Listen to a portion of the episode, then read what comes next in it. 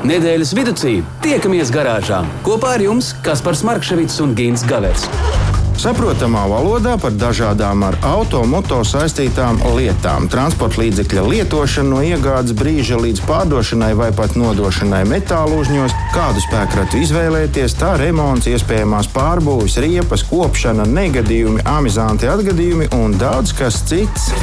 Garāžas sarunas Latvijas Rādio 2 ēterā, trešdienās, septiņos vakarā. Nāciet, nāciet pie mums garāžā, mīļie radio klausītāji. Labu vakaru vēlreiz. Labu vakaru arī Gint tev. Kā jau ierasts, mēs esam atkal kopā ļoti draudzīgā formātā. Šodien ir 8. jūnijas un garāžas sarunas var tiešām sākt savu skanējumu. Labvakar, labvakar, protams, tev kas par labvakar visai Latvijai. Prieks jūs visus redzēt pie mums garāžā. Un, ja jau mēs te esam tik uplā skaitā, tad jau droši vien atkal varam parunāties par kaut ko, kas saistīts vairāk vai mazāk ārunā pa auto. Tā tas tiešām ir. Un, mīļie radioklausītāji, mēs aicinām arī jūs pievienoties. Un jūs to varat darīt arī ziņas palīdzību un starpniecību. Pievienoties tādā veidā, ja ir kas sakāms vai vēlaties ar ko, kaut ko padalīties, tad noteikti 2931, 222, tas ir darāms. Un, Gint, mēs jau aizvadītajā reizē, manuprāt, ierunājāmies un vēlreiz varam atkārtot to, ka mēs gribam pamudināt radio klausītājus tieši uz to, ka ar tiem dzīves stāstiem, kas tad var būt garšīgāks par jūsu stāstiem? Jā, nu negribētos taču domāt, ka mums ir slinki klausītāji. Nu, droši vien ne. Un tāpēc, protams, protams, visi ir aicināti padalīties ar savām kaut kādām bijušajām lietām, esošajām, vai, vai, nu, vai, vai pat ja tas nav noticis ar jums, varbūt ar kādu kaimiņu, vai draugu vai paziņu droši klājiet tik vaļā. Jā, jā. Un to drīkst arī rakstīt uh, mūsu mājaslapā Latvijas Rādio 2, lai mums uh, nonāk šī ziņa. Mums pavisam drīz iespējams būs arī savs tāds īpašais pastiņš. Mēs to nokārtosim, kur varēsiet sūtīt mums tās ziņas, visas un stāstus savējos. Bet labi, ķeramies lietai klāt. Un, Gint, kas aizdītajā nedēļā ir tas wow, tas īpašais? Tas wow! laikam tāds konkrēts nemaz nav. Ja neskaita kā jau visu laiku, kaut kāds jauns modelis, kaut kāda jauna modeļa vai netik jauna modeļa, jauna paudze. Starp citu, ar vienu no tādiem mēs te pēdējās dažas dienas pavadījām kopā. Ļoti interesanti, ļoti labs auto tādā ziņā, ka mm, pagaidām viņš vēl nav pieejams elektriskā versijā. Viņš ir tikai iekšzemes zinējiem. Tātad visiem tiem, kam ir kam, nu, kam patīk klasiski automobīļi, vēl ir cerība.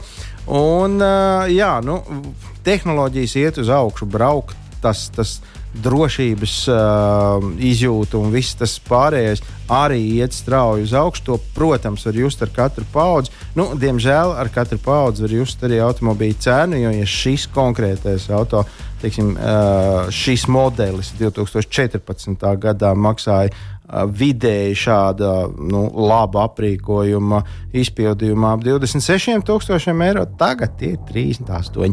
Bet, nu, jā, viss iet uz augšu. Kāpēc lai cena neiet? Kaut kā, ne? kaut kā pamatīgi viss jā, iet jā, nu, diemžēl tā tas ir, bet nu, ar to droši vien, ka mums būs jārēķinās. Jā, nu, Kā man teica kāds uh, pazīstams autožurnālists, uh, draugs, viņš teica, uh, nu, ja tu rakstīsi par iekšzemes dzinējiem vai stāstīsi par iekšzemes dzinējiem, tu būsi nemoderns. Jā, savukārt, kāda mēdīja īpašnieks man teica, ja tu uzrakstīsi kaut ko par e, e-mobīļiem, e tad strauji, strauji kritīs mūsu tirāža. Nu, tā kā attiecīgi. Lemiet paši, ir mums interesanti elektriskie automobīļi vai nav, bet nu, šodien nedaudz par tiem mēs parunāsim. Laikam, uh, principā pat daudz. Uh.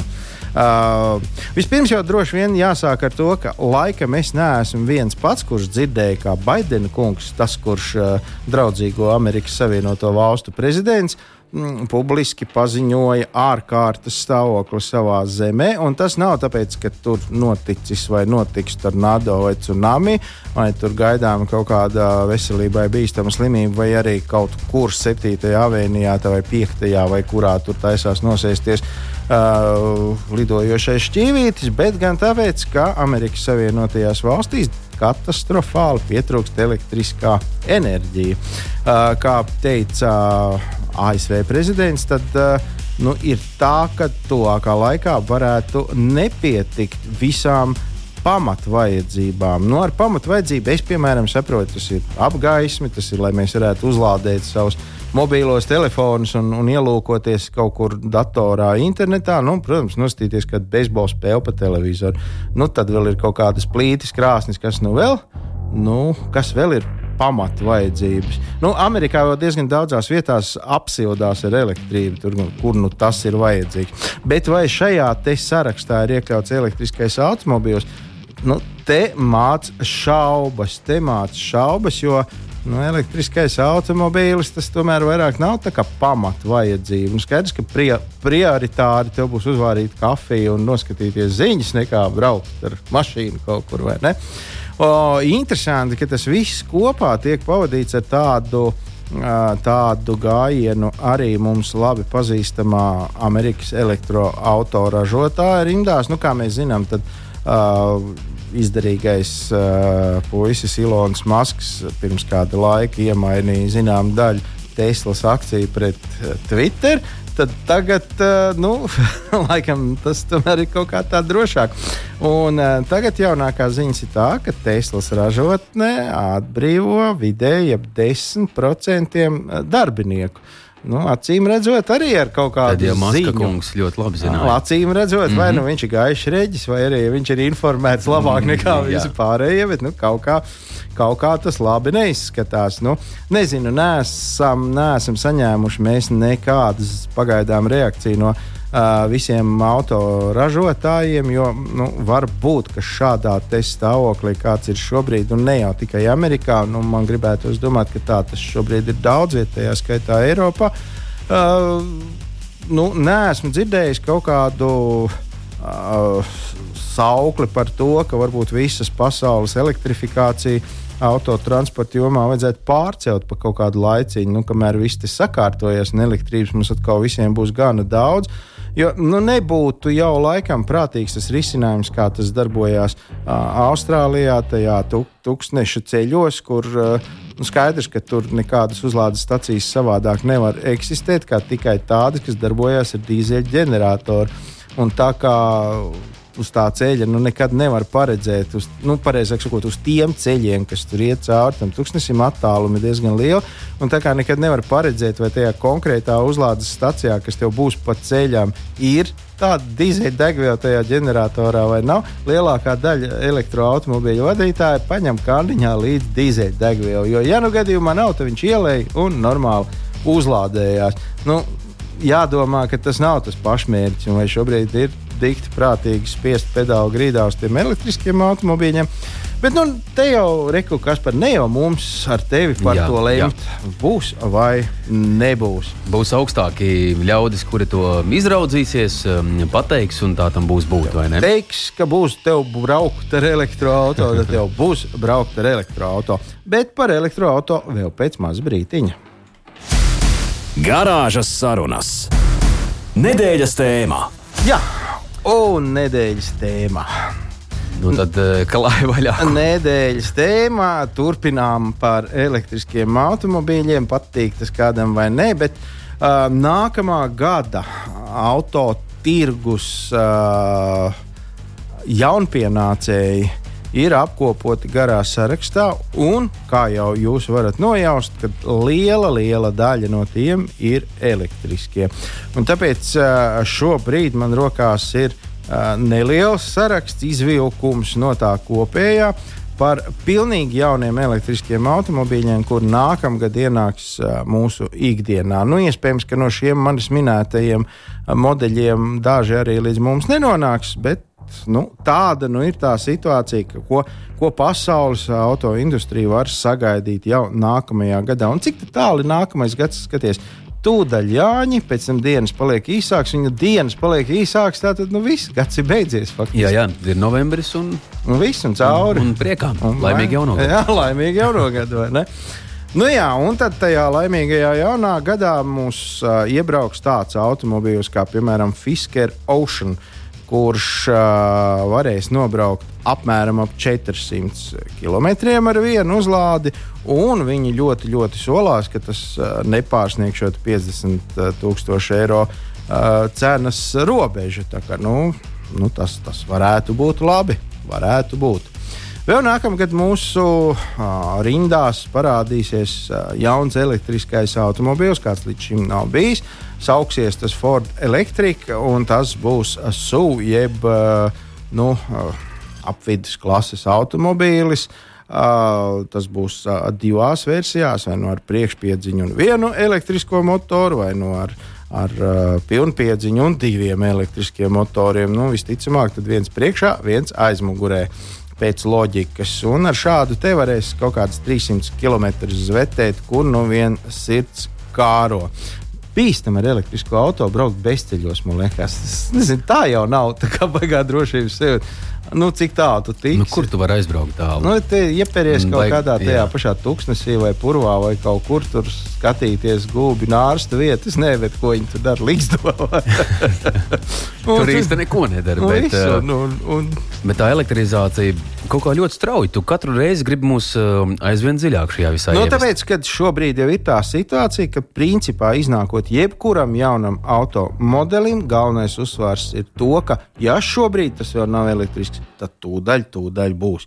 Un, nu, līdz ar to, nu, kā mēs varam tagad vilkties aizmugurē un stāstīt par zirgu pajūgiem, ja, ja sen jau ir izgudrota pašgājēja karieta. Nu, Nu, jā, nu, jā. Labi, Tā labi, nu labi. tas ir. Lūk, uh, mini, uh, mini countryman būs uh, arī glīts elektriskais auto, kāds līdz šim tas nav bijis. Un, uh, tas, tas gan nav radīts kā elektriskais auto, bet nu, vienkārši adaptēts jau mums visiem zināmais.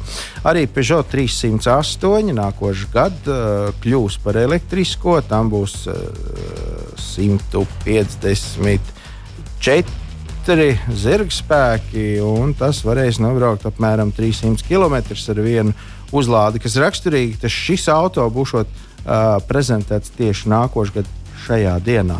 Tā kā 8. Labi, jūnija. turam tev pie vārda. Nu, Radio klausītāji, Nu, piefiksējam, lūdzu. Ja? Nāciet, 8. nācies jūnijas. man to kaut kā izdarīt, gribu vai nē. Mm. -hmm. Chevrolet Silverado tāds skaists auto, elektrisks ar dubultu motoru un 660 zirgspēku jaudu. Būs noteikti patīkams daudziem. Uh, Porsche Macan elektriskais auto ar 700 zirga spēku jaudu un kaut kur pie 450 uh, km, kurus var nobraukt.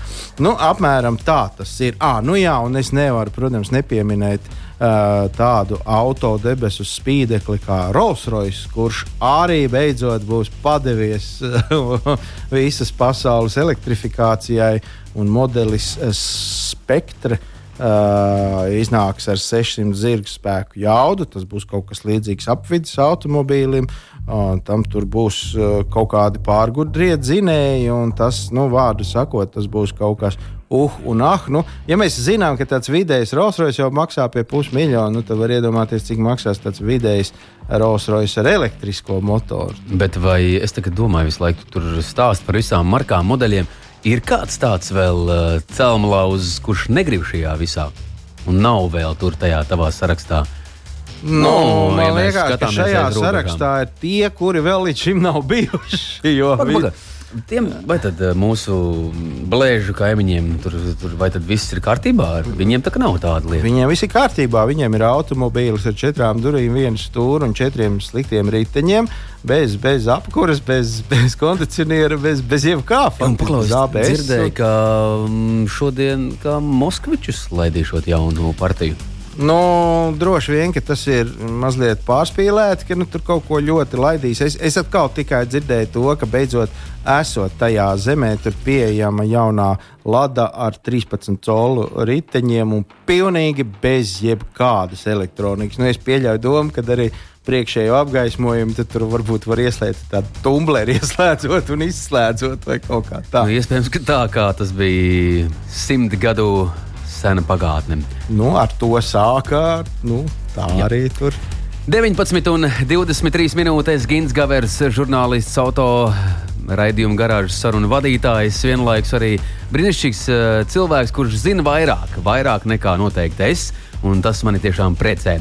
ka arī mani tu vari izglītot tevi katru trešdienu, un es ticu arī, ka tieši jūs, radio klausītājs, izdodas um, informēt, uh, iedvesmot, izstāstīt un tā izzinoši arī vienlaikus ievest tajās mūsu auto tēmās. Un varbūt, ja kāds no mūsu klausītājiem patiešām zina, nevis nojauš vai nu, kurš vienkārši domā, bet patiešām zina, kā ar elektrību ir pie mums, vai mums pietiks, mēs varam droši savus elektriskos Rolls Royce sākt pirkt vai vai, vai kā ir. Varbūt var padalīties, cik lielā drošībā mēs šajā ziņā esam. Garāžas sarunas. Nedēļas tēmā. Pēc simt gadiem tajā piebalgā, kas zina, kā tur bija pirms, bet kā būs pēc, to arī neviens nezina. Manuprāt, no, šeit mēs vispār neko nezinām.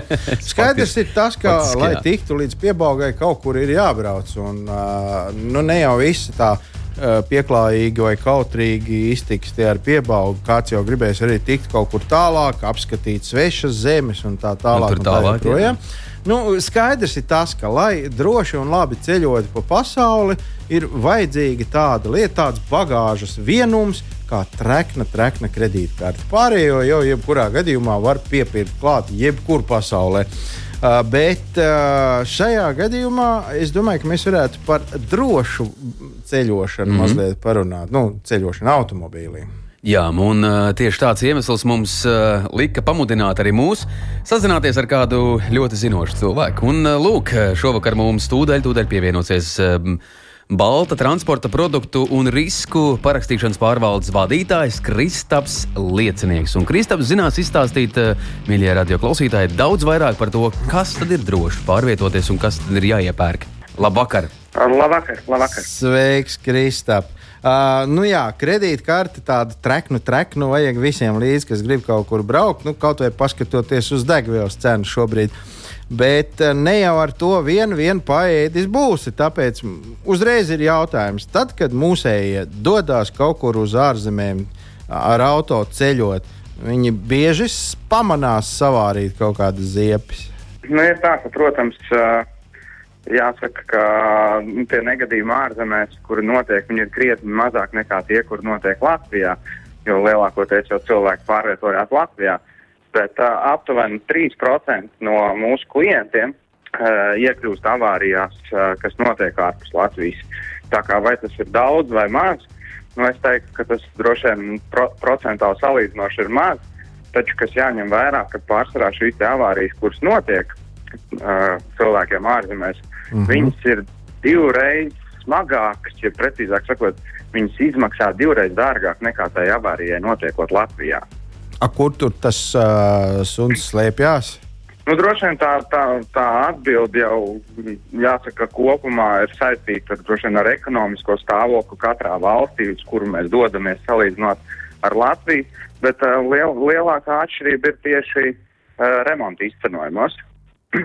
Bet, ja, notiek, ja, ja, tam, ja tam mūsējiem notiek ķibeli tur, vai te remontē tur? Kā kurā? Kā à, kurā nu pareizi, ja tas cietušais jau visticamāk, nu, ja mēs runājam par otstu, piemēram, kaut kādu apdrošināšanu, tas cietušais jau būs viņējais, viņš jau gribēs pie Jā, sevis labot. Cietušais viennozīmīgi būs viņējais, bet arī, ja, ja, ja pēc kāds apdrošināšanas remonts tiks veikts, veikts ārzemēs, jo ir situācijas, kad nu, ceļu nevar turpināt, paši zinām, vai nu tas būs, pieņemsim, bojāt bojāt lūk, tur pieņemsim, vai mašīna vispār nav braucamā stāvoklī, mm -hmm. tad arī šis tieks, tad arī apdrošinātājs izvērtē, vai ir labāk remontu veikt uz vietas, mm -hmm. vai arī šo mašīnu transportēt uz Latviju un veikt remontu.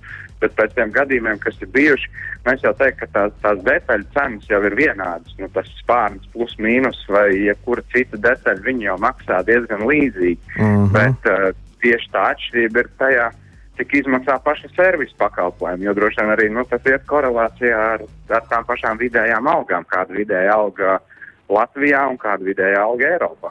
Nu, jā, un ja mēs runājam par otstu apdrošināšanu, tad droši vien tie zaudējumi arī varētu būt lielāki, tāpēc ka viņiem automobīļi ir jaunāki un, un nu, līdz ar to arī laikam tā skāde sanāk dārgāk. Ar, arī taisnība, jā, mums salīdzinoši Latvijā jāsaka, nu nevar izmantot vārdu vecs, bet mums ir 14 gadus vecs vidēji autoparks, kamēr Eiropā tas autoparks ir divreiz jaunāks, tie ir mm. septiņi gadi. Mm. Tā kā, protams, jaunāka mašīna aprīkot ar, ar jaunākām tehnoloģijām. Un, protams, jaunas tehnoloģijas tas ir labi, jo nu, viņi samazina risku iekļūt ceļu satiksmes negadījumā.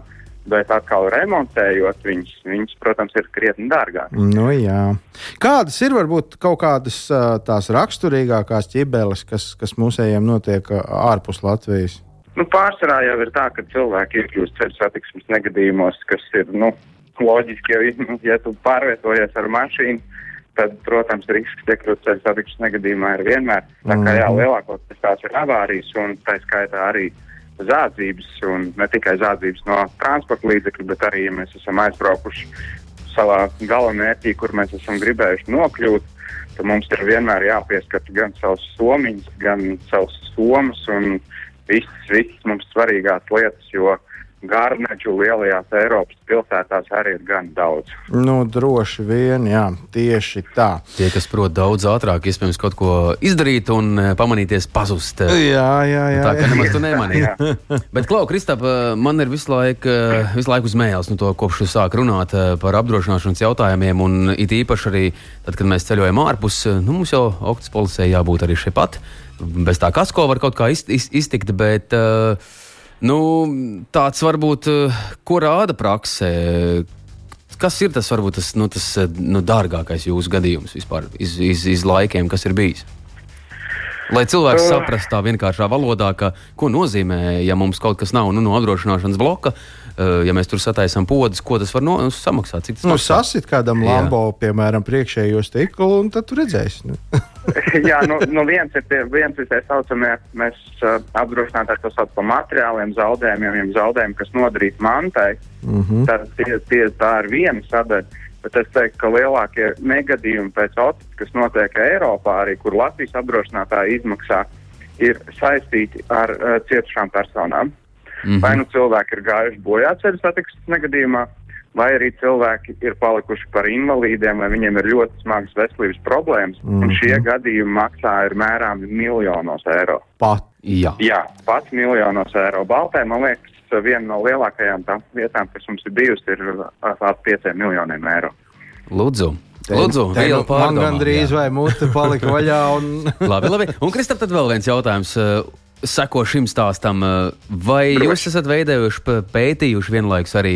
Nu, mēs tomēr uh, savā valstī varam pārvietoties uz ar 90, ki- nu, 110 ir atļauts. Nu, šur tur, ja tas ir jau ļoti vareni. Bet, Klau, Vācijā mēs laižam tā, ka, nu, un varbūt vienkārši mēs neesam gatavi vispār tādai dinamikai. Nu, es teiktu, ka droši vien, nu, droši vien jau, ja, ja mēs pa, katrs paskatāmies, mēs jau droši vien lielākā daļa no mums ir braukuši uz Eiropu ar mašīnu, un mēs redzam, ka katrā valstī šī braukšanas kultūra ir savādāka. Mm. Un mēs jau, protams, varam galvosies, ka mums Latvijā viss ir slikti, bet es gan gribētu teikt, ka mums ar katru gadu viņi paliek labāk, un cilvēki ir iejūtīgāki uz ceļa, bet tomēr to nevar salīdzināt, kā cilvēki pārvietojās Vācijā. Mm -hmm. Pat pie šiem lielajiem ātrumiem, tāpat, jā, nu, es kā, kā dzīvojošs cilvēks Latvijā, nu, sākumā ir jāpierod pie tā visa, bet pēc tam jūties gan droši. Un Es teiktu, ka tā droši vien tas ir ļoti tāds komplekss jautājums par kultūru, braukšanas kultūru, par infrastruktūru, par plānošanu. Nu, tas, tas, man liekas, nav tā vien, vienā teikumā uzreiz tādā Jā, tur, tur patiešām no sākuma jāpierod pie tā, ka neviens jau strauji deguna galā nenobremzēs, ka neviens nevilksies pa kreiso joslu lēnāk kā viss pārējie. Un, Un tam līdzīgi. Uh, Ja mēs braucam uz Eiropu, tad ir skaidrs, mums vajag mūsu parasto klasisko octa, nu un laikam jau tad ideālā versija arī tas kasko. Ja? Jā, nu kasko un viennozīmīgi es, es teiktu, ka tas tā ir papildus drošība, papildus drošības sajūta. Protams, jāskatās arī, nu, cik, cik jauns vai cik vecs ir šis transporta līdzeklis. Latvijā es teiktu, ka gandrīz katrs ceturtais transporta līdzeklis, katram ceturtajam transporta līdzeklim ir kasko apdrošināšana. Uh -huh. Tā kā, bet, ja arī tiek plānots, plānots ceļojums, es, protams, kad ieteiktu iegādāties, un galvenais ir skatīties ne tikai uz to, vai vispār ir tas kasko, bet uh, skatīties arī to, vai tā valsts, uz kuru tad šis cilvēks vēlas braukt, uh, vispār šī teritorija ir iekļauta. À, tur varētu būt kaut kādas uh, īpašas vajadzības vai īpašas dokuments, lai, lai tur Nē, kas ko polisē, Ok, man liekas, ka tur tā ir atrunāts. Vai tu Principā, vai jā, polisē ir atrunāts, vai, vai lielākoties apdrošinātāji dara dala Latviju, Baltijas valsts, Eiropas valsts, un tad vēl tas, tas plašākais segums ir, kad vēl ir klāts šī NVS valsts. Labi, tagad jau vairs tādu īstu jēdzienu MVS nav, bet ar to mēs saprotam Krieviju, Baltkrieviju, Ukrainu un Moldovu. Jā. Mm -hmm. ja mēs esam Eiropas ietvaros, tur vairāk vai mazāk viss ir skaidrs. Ja mēs dodamies kaut kur, cik tālu nu vien var ārpus Eiropas Savienības izbraukt ar automobīlu, nu, vienalga, pieņemsim, ja kāds pamanās izsprukt uz to pašu NVS vai kaut kur citur.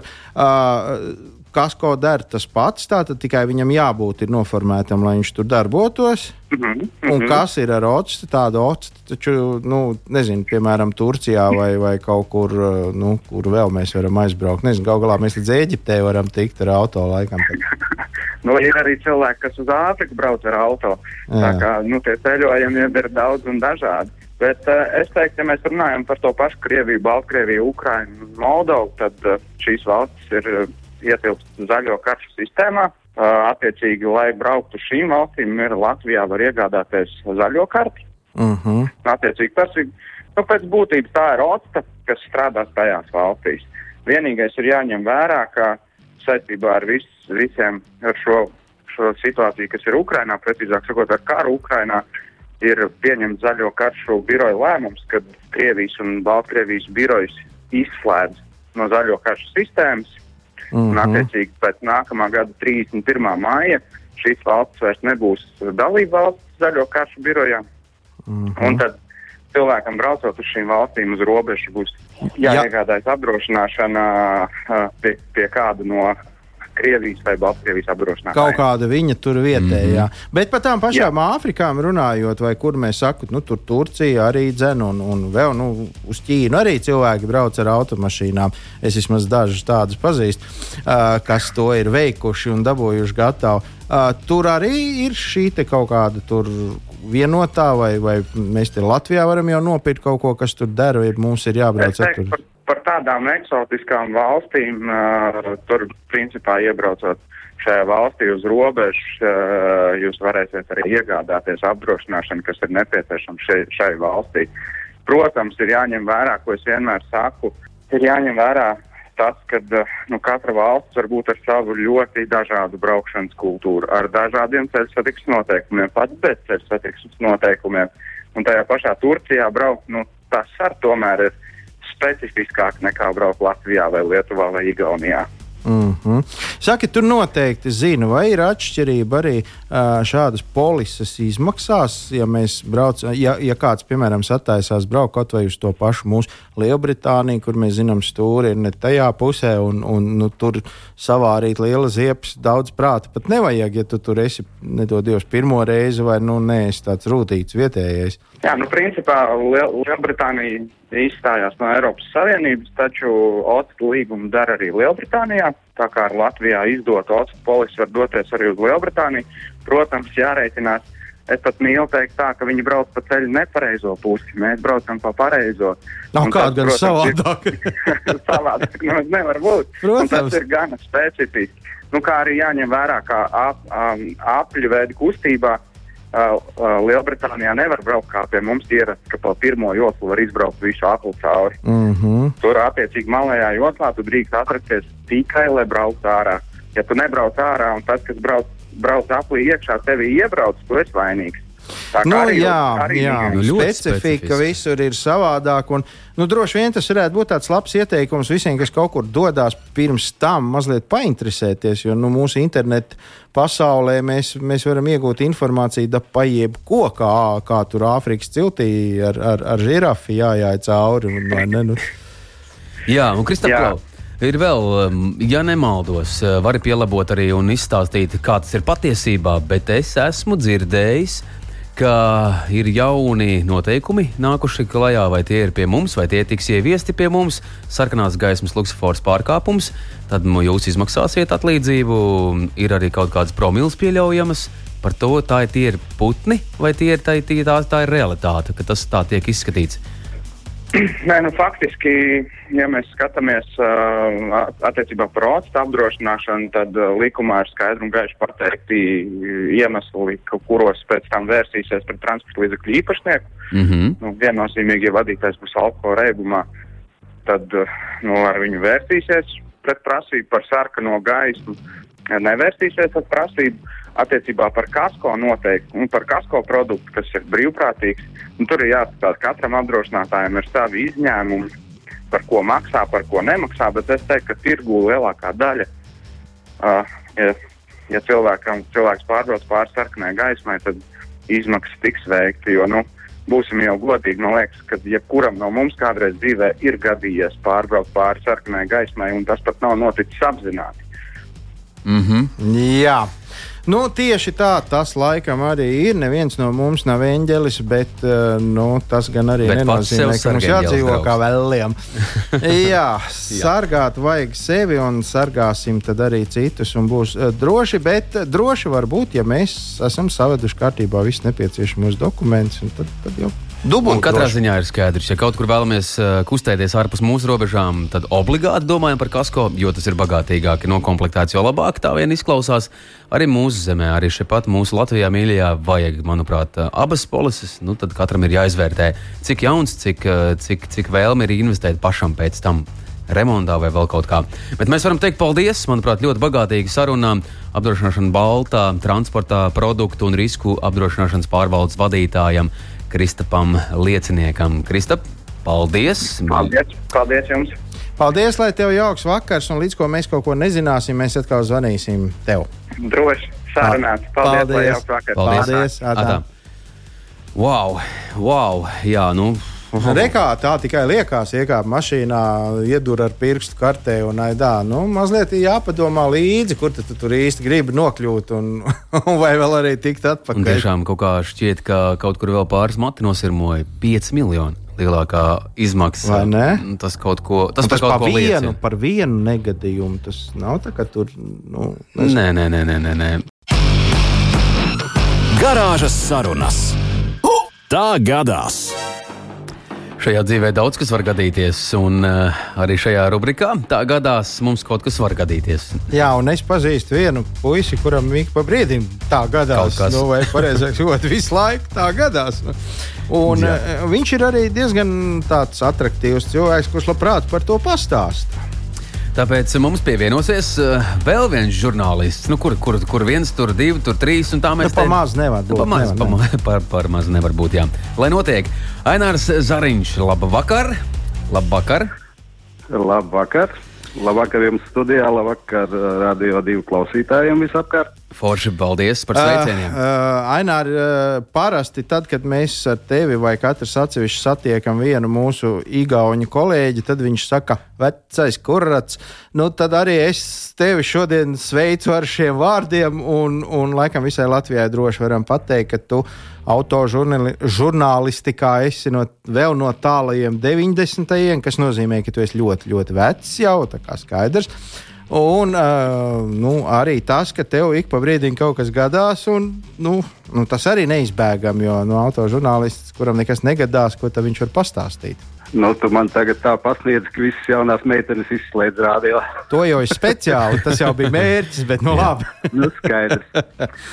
Nu, Ah. par tiem gadās, nu, negadās jau tikai tiem, laikam, kas nebrauc, vai ne? Tāpat Nu. kā zivis nenoķer tie, kas neiet topēt, un loterijā nevienu ne tie, kas biļeti nepērk. Tad tu domā, ka tāpēc es nevaru noķert dzīves, ka es neju makšķeri.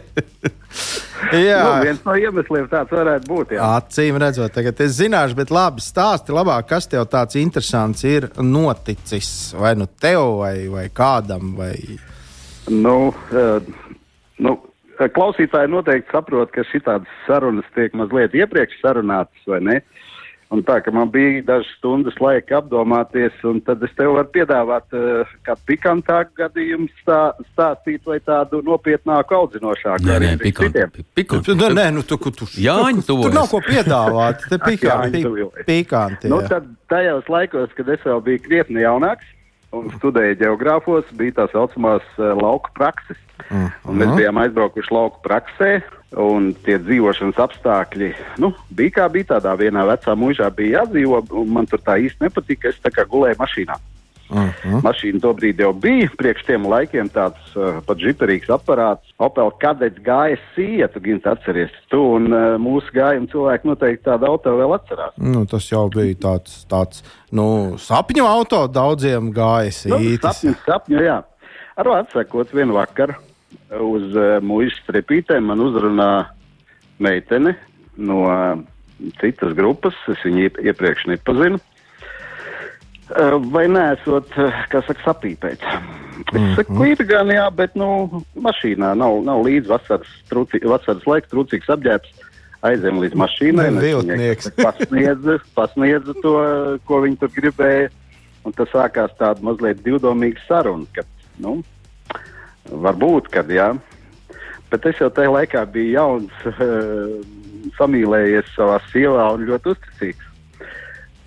Un tā īsti ne, nevar viņu atšūt. Nu, viņa tā kā tur mašīnā pasēdēs, grib nu, labi pasēdēt. Nu, beigās, es domāju, jāsabiedē meitenes. Ir. Pavizināties gribi, nu, kurš meitenes negrib pavizināties? Nu, par to braukšanas meistarību es, protams, neesmu nekāds raulists, bet uh, arī tajā laikā jau kādu laiku bija braukts un, zinām, braukšanas pieredze bija. Nu, domāju, sabiedrēšu to meiteni ar to tādu sportiskāku braukšanu. Tas aparāts arī atļāva. Bet vienā brīdī, kā saka, sapinos meistarībā, ja tā gadās. Līdumā, kur vajadzēja vilkt uh, ručkā līdz galam, lai izvilktu, ja? nu, es pēkšņi sabijos un bišķi atmetos. Mm -hmm. nu, protams, ka uh, beidzās uh, viss negluži tā, kā bija iecerēts. Uh, šaus nebija, šaus bija sliktais. Paldies Dievam, viss beidzās labi. Mašīna uzkārās uz uh, ceļa malas, un tad tikai ar šīs pašas meitenes palīdzību mēs tikām atpakaļ uz ceļa. Nu, tu varbūt reizēm pat tāds uzbāzīgs skuķis ir forša lieta. Tu, Nu, nu, bija kas izstumj.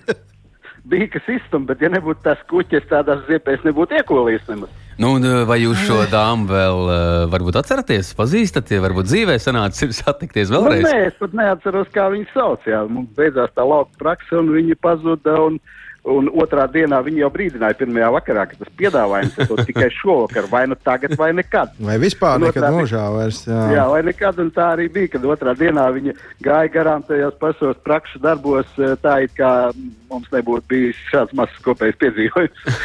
nu, jā. Jā, Nu nu, jā, nu, nu Rakaris redz mācīs tev, mm, kā jābrauc meitenēm. Jā, bet ir arī nopietnas lietas. Es nezinu, cik laiks man ir atvēlēts. Ja tu iekļaujies divās minūtēs, tad tu vari to izstāstīt. Pavisam ātri. Jā, Tātad, uh, braucot, jo ilgāk brauc, jo pašpārliecinātāks cilvēks kļūst, ir sevišķi pazīstamos apstākļos. Mans gadījums. Ziema brauc savā pilsētā pa vienu no galvenajām ielām. Man ir jānogriež mazākā šķērsielā. Protams, ziemas lidens, uh, nu, kādas tās ielas, kur kaisīts, kur nē. Jauna testa mašīna, uh, Hyundai Jonika, kā tagad atceros, bija. Un man, nogriežoties šajā šķērsielā, vēl pēc 20 metriem ir jāiegriež servisa pagalmā. mm -hmm. Pa lielo ielu saķeri normāli. Nogriežoties jūtu šķērsielā, saķeri normāli. Viss kārtībā. Ātrums nu, kaut kur starp 5 un 10 km/h maksimums. Tajā vārtu ailē servisā braucot, pēkšņi ir pilnīgi citi braukšanas apstākļi. Un Hyundai Jonika, diemžēl, trāpīja vārtu stabā. À, tāpēc tu tā jau laicīgi teici, ka nu, tas Bija. testa auto bija. nu, viņš nebija uh, tik norakstīts, ja, ka viņu vispār vairs pēc tam nebija. Bet jā, es apskādēju testa auto, un uh, morāli jau ir īstenībā tāda, ka uh, gatavam, negaidītajam, it sevišķi ziemā, nu, arī vasarā, protams, Protams. ir jābūt vienmēr šoferītam. Ja. Uh, vēl piebildīšu, tad, kad es noliku tiesības, uh, pēc kādas nedēļas man viens draugs teica, Ainēr, nu, tu jau tagad lepns, tu jau tagad cilvēks nepazīsti. Man tajā laikā, pēc tiesību nolikšanas, jebkurš gājējs bija bez sejas, bīstams objekts. Tieši tā, tur es Ja? tev pilnīgi piekrītu. pieredzi mēs sākam skatīties apkārt un mazāk pievēršam uzmanību ceļam un satiksmei. Ai, Nu, ai, ai. forši. Bija Liels. prieks tevi dzirdēt, bija patīkami uzzināt kaut ko, ko es par tevi nezināju. Tagad arī redz, varēšu tevi šantažēt, stāstot Un turpināt. draugiem, kāds tu esi. Bet... Ainārs Zariņš mums šovakar ir attālinātais viesis rubrikā Tā gadās autožurnālists. Un uh, Ainārs pēc jūsu sacītā tiešām ir skaidrs, ka gatavam ir jābūt vienalga, kāda apstākļa ir ārā slitens, saulains vai nu tā. Vai ja jāņem. meitene nāk? Jā. Paldies Jā, tev, lai tev jauks vakars. Lai jums jauks vakars un labi klausītāji! Ātā. Paldies, Čau, čau. Atā. Nu, super! Nu, tā Super. redz gadās, tā redz gadās. Nedrīkst laist iespējas garām, visādi var gadīties, bet arī mums šādi gadās, uh, ka mums ir vienkārši jāatvadās. Nu, jā, skumji jau ir, bet neko nevar padarīt. Bet atkal no otras puses priecē tas, ka pēc nedēļas mēs atkal būsim kopā. Mēs atkal vērsim garāžas uh, vārtus vaļā, un tad jau atkal viss notiksies. Jā, mazliet jaunā gaisotnē es gan tev gribu pabrīdināt. Nu, un, uh, jaunā, jauna nedēļa, jaunā nedēļa tev gaida ar jauniem pavērsieniem, jo es jaunajā nedēļā ievilku šādu. Un tad nu gaida pārsteigumu trešdienā. Labi, Lūk labi. Kaspars Markevits, uh, Gins Gavērs, radio raidījums uh, Garāžas sarunas. Šovakar ir izskanējuši. Palieciet kopā ar Latvijas Rādio 2 un lai skan skaistākās dziesmas dzimtajā valodā. Ā, tā. Nedēļas vidū tiekamies garāžā kopā ar jums Kaspars Markevits un Gins Gavērs. Saprotamā valodā par dažādām ar automoto saistītām lietām. Transporta līdzekļa lietošana no iegādes brīža līdz pārdošanai vai pat nodošanai metālu uzņos, kādu spēkratu izvēlēties, tā remonts, iespējamās pārbūves, riepas, kopšana, negadījumi, amizanti atgadījumi un daudz kas cits. Garāžas sarunas Latvijas Rādio 2 ēterā, trešdienās, septiņos vakarā.